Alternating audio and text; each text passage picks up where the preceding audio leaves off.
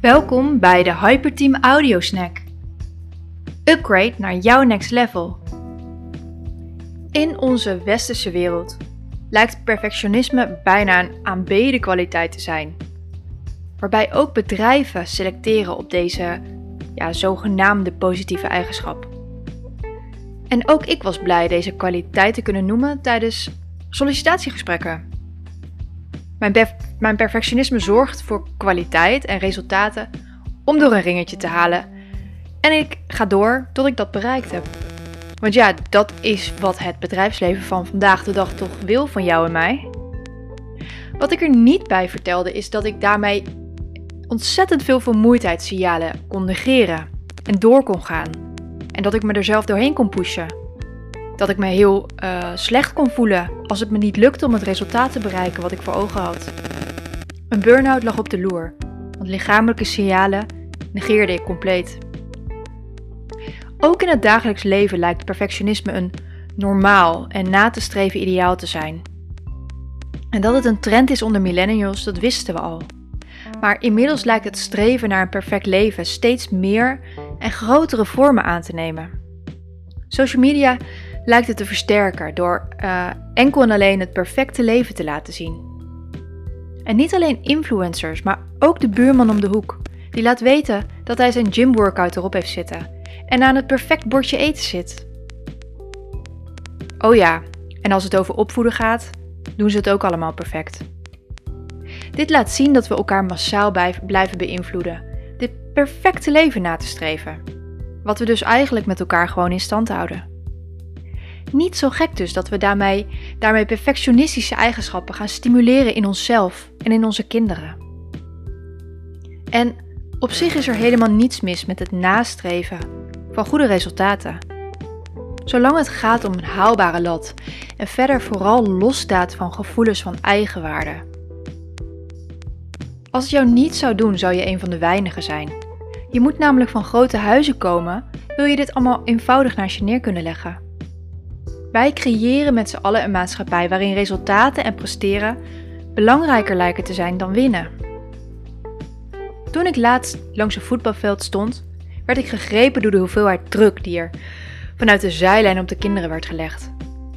Ik zelf heb jarenlang leuk meegedaan op turnniveau en ondanks dat mijn ouders totaal niet schreeuwend in het publiek zaten, heb ik wel als jong meisje de conclusie getrokken dat winnen belangrijker is dan meedoen. En belangrijker nog, dat mijn behaalde resultaten lieten zien wie ik als persoon was en wat ik waard was. Maar trek deze opvatting nou eens door naar jouw dagelijks leven. Is de uitkomst van je leven in welke zin dan ook nou echt belangrijker dan het leven zelf? Als je alleen maar streeft naar een uitkomst, met als doel die niet eens realistisch te halen is, die heel perfectionistisch is, zul je je continu slecht voelen wanneer je dit niet haalt. Er is geen wonderpil om dit ineens uit te schakelen. Dit heb je jarenlang gevoed en dat ben je nog niet zomaar kwijt. Maar wel kun je alles eens gaan bekijken door de bril van de liefde.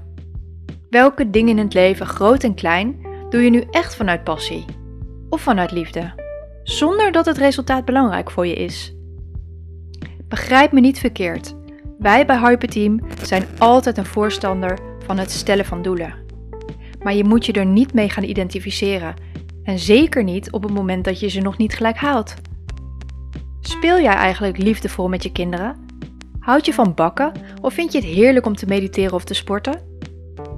Stop vooral met het investeren van de dingen die je van jezelf moet.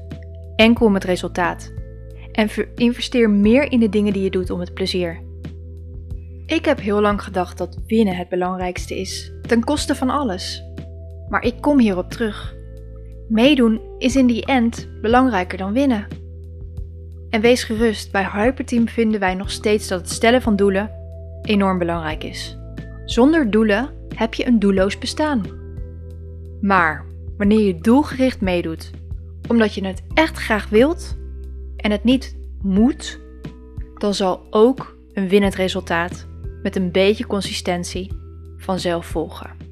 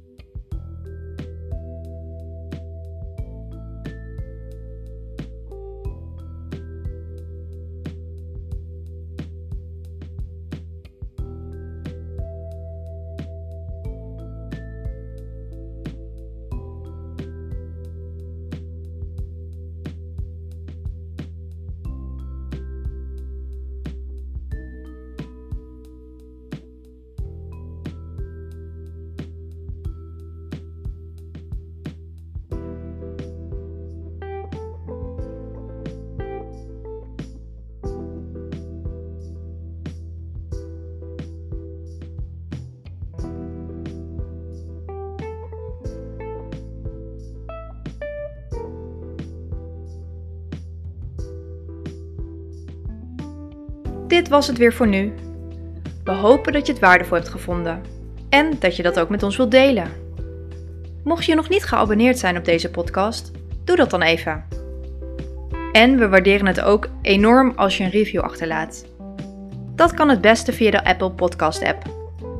We zijn erg benieuwd wat je van de audiosnack vond, welke inzichten je eruit hebt gehaald en dat we dat in een review terug kunnen lezen. En natuurlijk vinden we het ook leuk je reactie te zien via Instagram. Dit was hem weer. Tot de volgende audiosnack.